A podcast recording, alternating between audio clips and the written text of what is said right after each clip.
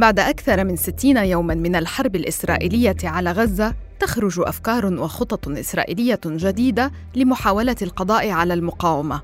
فاينانشال تايمز عن مسؤول عسكري إسرائيلي يقول حماس تعلمت من الهجمات السابقة التي كانت تهدف إلى تدمير الأنفاق في غزة. ذات المسؤول قال إن الحكومة تضخ موارد لإيجاد حل لتدمير الأنفاق لكن العملية تشبه الخيال العلمي. هي خطط تفيد بإغراق أنفاق المقاومة بمياه البحر. قد لا تبدو واقعية بقدر ما تبدو أنها رد على الانتقادات حول عدم تحقيق الاحتلال أي إنجاز عسكري يذكر حتى الآن. فما واقعية هذا المخطط؟ وما هي قدرات المقاومة لمواجهته؟ بعد أمس من أثير الجزيرة أنا روعة اوجي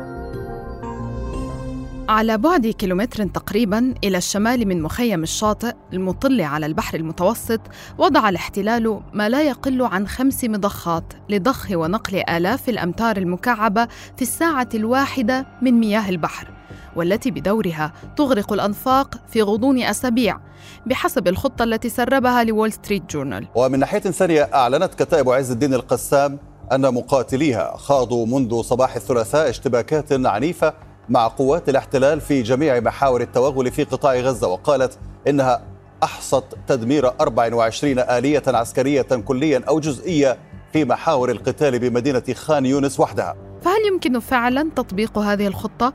وما هي تداعيات الخطة وتأثيرها على مسار العدوان والاشتباك؟ وكيف يمكن أن نفهم هذا الإعلان في سياق الحرب النفسية؟ نبدأ مع تفاصيل هذا الخبر وردود أفعاله من الجانب الإسرائيلي مع مراسل الجزيرة إلياس كرام إلياس ما هو الخبر المتداول حول آه، خطة إغراق الأنفاق في الجانب الإسرائيلي؟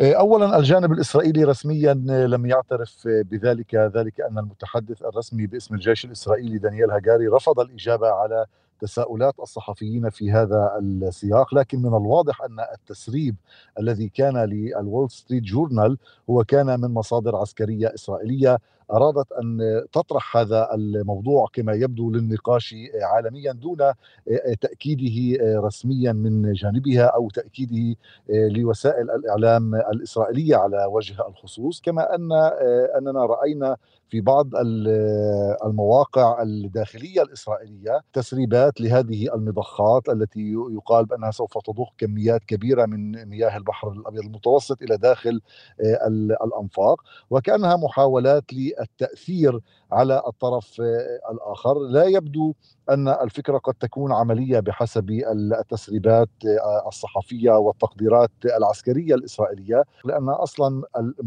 شبكة الأنفاق ومسارات الأنفاق غير معروفه تماما للإسرائيليين وللجيش الإسرائيلي يتحدثون عن نحو 500 كيلو متر من هذه الأنفاق المتشعبة في أكثر من موقع وفي أكثر من مكان سواء كان ذلك في شمال قطاع غزة أو في جنوبه. يتحدثون فقط الآن عن أنهم اكتشفوا نحو 800 نفق فقط في المناطق الشمالية التي وصل إليها الجيش الإسرائيلي وأنهم دمروا نحو 500 من هذه الأنفاق أو فتوحات الأنفاق. معظم عمليات التدمير حتى حتى الآن تمت بواسطة عمليات التفجير والتفخيخ أو سد الفتوحات وردمها في مناطق أخرى. لكن يبدو أن الفكرة تتجه نحو ضخ كميات قليلة في البداية من أجل إجبار المقاومة الفلسطينية ربما على الخروج منها. وهنالك مشكلة أخرى أن عملية ضخ المياه وإغراقها إغراق الأنفاق بواسطتها من شأنه أيضا أن يؤثر ربما على حياة المحتجزين الإسرائيليين الموجودين في داخل قطاع هل من ردود أفعال من أهالي المحتجزين حول هذه الخطة أو التسريبات أو طرحها للنقاش علنا؟ هم رفضوها جملة وتفصيلا على اعتبار أنها قد تشكل خطرا كبيرا على حياة المحتجزين الإسرائيليين في داخل قطاع غزة، لا سيما من بين المحتجزين الذين تم الإفراج عنهم والذين أدلوا بشهادات أنهم كانوا محتجزين داخل هذه الأنفاق، وبذلك في آخر اجتماع بين عائلات المحتجزين الإسرائيليين الإسرائيليين ومجلس الحرب الإسرائيلي قبل أيام عدة كان هذا الموضوع مطروحا وقالوا لهم ما الذي تريدون أن تفعلونه؟ وهل تريدون إغراق الأنفاق؟ أبناؤنا موجودون هناك عليكم أن لا تفعلوا ذلك. 500 كيلومتر تحت الأرض. مترو الأنفاق كما يقولون عنه. أنفاق شكلت معضلة حقيقية للاحتلال الإسرائيلي في تحقيق أهدافه العسكرية. حفرت المقاومة الفلسطينية أنفاقها على أعماق متفاوتة تحت الأرض في غزة. تقول إن هذه الأنفاق جعلتها تحافظ على قدرتها العسكرية وتخرج من المعارك بأقل الخسائر. بعد شهرين من صمود المقاومة في قطاع غزة ومن الاشتباكات الضارية يسعى جيش الاحتلال للحصول على صورة النصر التي ما زال ينتظرها ولم ينجح حتى الآن في انتزاعها. فهل ضخ المياه في الأنفاق يحقق هذا النصر؟ ضخ المياه في الأنفاق لا يحقق نصرا استراتيجيا بالتأكيد. البروفيسور عمر عاشور أستاذ الدراسات الأمنية والعسكرية مؤسس برامج الدراسات الأمنية بمعهد الدوحة. أهلا وسهلا بك. ما مدى واقعية خطة إغراق الأنفاق بمياه البحر؟ على الورق هي واقعية. يوجد وسائل للتعامل مع الأنفاق. ممكن أن نضعها تجاوزا يعني نسميها استراتيجيات. إما تحييد النفق وهذا يشمل ضخ المياه فيه. آه، بمعنى وضع بلاتفورم وضع رصيف آه، مقابل شاطئ غزة ثم الحفر باتجاه الشاطئ أو تحت الشاطئ وبعد ذلك ضخ آه، مياه البحر بمضخات قوية فيه لتدمر ما هو تحت ال... تدمر الأنفاق ما هو تحت سطح غزة. لكن ضخ مياه البحر يمكن الجدال بأنها في إطار القوانين المتاحة للحرب فيما يخص تدبير القدرات العسكرية. إعلان الجيش الإسرائيلي عن استخدام وسيلة لا يعني أنه سيستخدم الوسيلة ولكن يمكن أن تدخل في إطار حرب المعلومات للتضليل أو الحرب النفسية لإضعاف القوى المعنوية طيب بجانب آه، خبر أو خطة أو تسريب إغراق الأنفاق بالمياه للقضاء على المقاومة، كان هناك منذ بداية الحرب آه، حديث عن وسائل أخرى، ما هي الأدوات الأخرى والخطط التي آه، وضعتها أو يمكن أن تضعها إسرائيل للقضاء على الأنفاق؟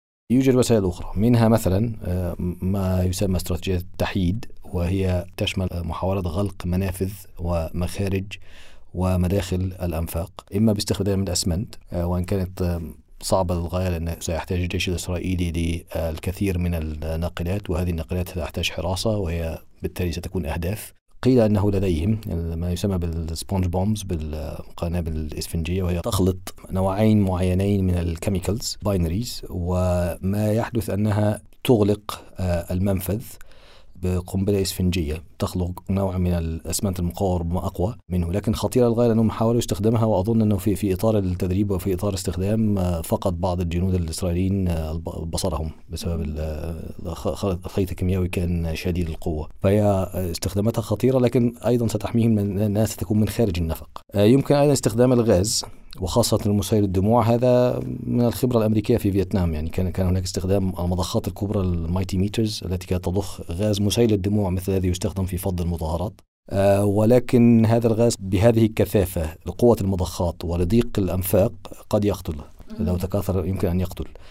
هذا كله في إطار التحييد يعني في إطار التدمير طبعا استخدام القوى الجوية وخاصة القنابل GBU 34 يعني تسمى أم القنابل 11 طن يعني وهي تم استخدامها في أفغانستان ضد ولاية خراسان التابعة لتنظيم الدولة ودمرت بعض الكهوف والأنفاق لهم ولكن تم استخدامها في إطار في في ننجرهار يعني في منطقة ليس فيها الكثير من السكان وفي منطقة جبلية وعرة. فاستخدامها في غزة سيكون مصيبة كبيرة. غزة نتكلم عن كثافة سكانية مما يعني استخدام قنابل بهذه القوة التدميرية سيكون تداعياتها على المدنيين هائلة. والقنابل أيضا لا تميز ما بين مقاتلي حماس والرهائن فستقتل الجميع لو سيكون هزيمة استراتيجية بالأساس للجيش الإسرائيلي. نعم. ماذا عن المقاومة؟ يعني أساسا عندما بنوا الأنفاق طبعا فكروا أنه سيكون هناك محاولات لتدميرها وبالتالي ما هي السيناريوهات الممكنة أو التي يمكن أن يكونوا يفكرون بها للتعامل مع أي خطة ومنها خطة إغراق الأنفاق؟ المقاومة كان لديها تسع سنوات في التفكير في كيف ستستخدم هذه الأنفاق وتعطي ميزة استراتيجية وتكتيكية وعملياتية. كل ما ذكرته فيما يخص تحييد الأنفاق كلها لها لها ردود يعني. فنتكلم مثلا عن لو استد بالنفق فيما يخص المنافذ آليات الحفر المختلفة. أظن أنها مخزنة وموجودة في داخل الأنفاق خاصة الأنفاق ليست متساوية فيما يخص الحجم وفيما يخص المستويات آه، وفيما يخص العمق.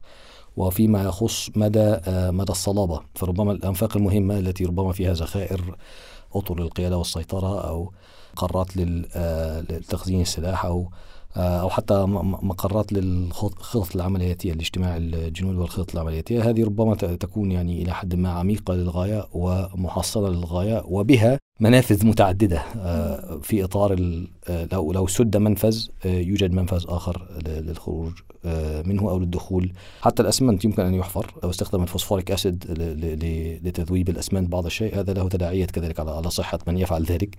أيضا الوقاية من الغاز. أنا أتوقع أن الأقنعة الواقية من الغاز ربما تكون متوفرة إلى حد كبير داخل هذه الأنفاق. ولكن سيعرض حياة الرهائن للخطر وأيضا سيكون له تداعيات دولية. حتى موضوع مضخات الماء يوجد لو رتبت المقاومة ربما يكون هناك بعض المخارج للماء آه، وبعض السدود داخل الأنفاق. فيوجد دائما وسائل دفاعية لمحاولة الحفاظ عليها لأنها فعلا جزء يعني المقاومة خلقت جغرافيا تحت الأرض مناسبة للقتال أو لإعطاء فرصة للقتال لها ولقلب موازين المعركة لصالحها رغم آه، إمكانياتها المتواضعة للغاية مقارنة بمقدرات وقدرات وموارد الجيش الإسرائيلي. مراسلنا إلياس كرام كان في بداية الحلقة يقول أن هذا التسريب حول خطة الإغراق أتى ربما ل طرح الفكرة للتداول العلني.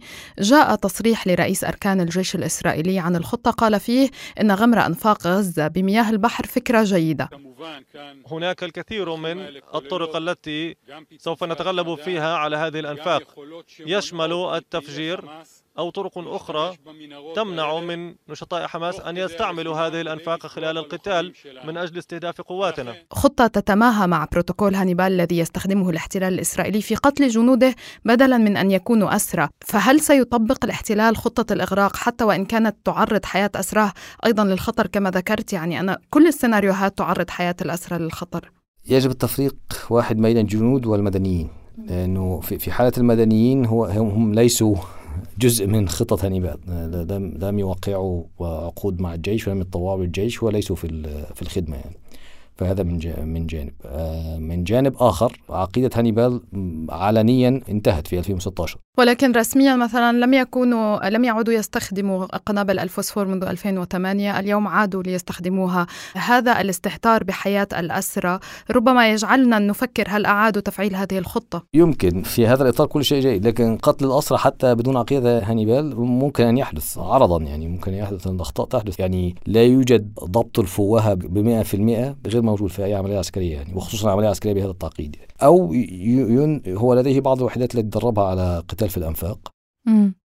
2014 خسر هو عدد كبير من الجنود أظن 66 عدد أكبر منهم قتلوا في داخل الأنفاق. آه، فبالتالي كانت الدرس المستفاد أن يطور بعض الوحدات آه التي تستطيع أن تقاتل في الأنفاق. وهنا القتال.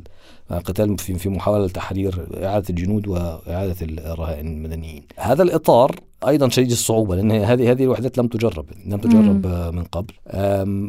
فكل الخيارات صعبة. كل هو يوجد خيار واحد هو الذي ليس هو صعب أن يتوصل لتفاهم عبر الوسطاء سواء قطر أو مع مصر وأمريكا لإنهاء هذا الموقف وقف إطلاق نار أو سحب القوات الإسرائيلية. و ويحرروا الجنود والرهائن الموجودين في عنده يعني. هذه المفاوضات أو وصوله آه، لمرحلة هذا الطلب من الوسطاء مرتبط حتما بالتطور على الميدان، تحدثت عن أن الاشتباك البري أو القتال المباشر آه، لا مفر منه، الاشتباك البري بين الاحتلال والمقاومة لا يزال ضاريا ولا تهدأ وتيرته. كيف تؤثر على امكانيه المضي قدما في خطة تدمير الأنفاق أو في الحرب البرية كلها؟ يصعب التنبؤ بمتى تنتهي وكيف تنتهي آه هذه الحرب على غزة آه هذا هذا بمنتهى الصراحة. المقاومة من ناحية فيما يخص الاشتباك البري ربما فعلت آه أعلى فاعلية قتالية حتى الآن من 2008 شهدنا في البداية مناورة بأسلحة مشتركة بأبعاد متعددة برية وبحرية وجوية أو محمولة جوا ليست جوية محمولة جوا وأيضا بعض المسيرات ففي هناك يعني جو. آه، بالإضافة للأبعاد الإلكترونية والسيبرانية والاستخبارية. فكان هناك يعني أبعاد مشتركة بهجوم متنوع الأفرع لنقل. فهذا من ناحية. فدفاعا حين يعني تم التوغل الإسرائيلي شهدنا كذلك تعدد نقاط الاشتباك في في كافة القطاع من الشمال إلى الجنوب الآن إلى الوسط والجنوب الآن.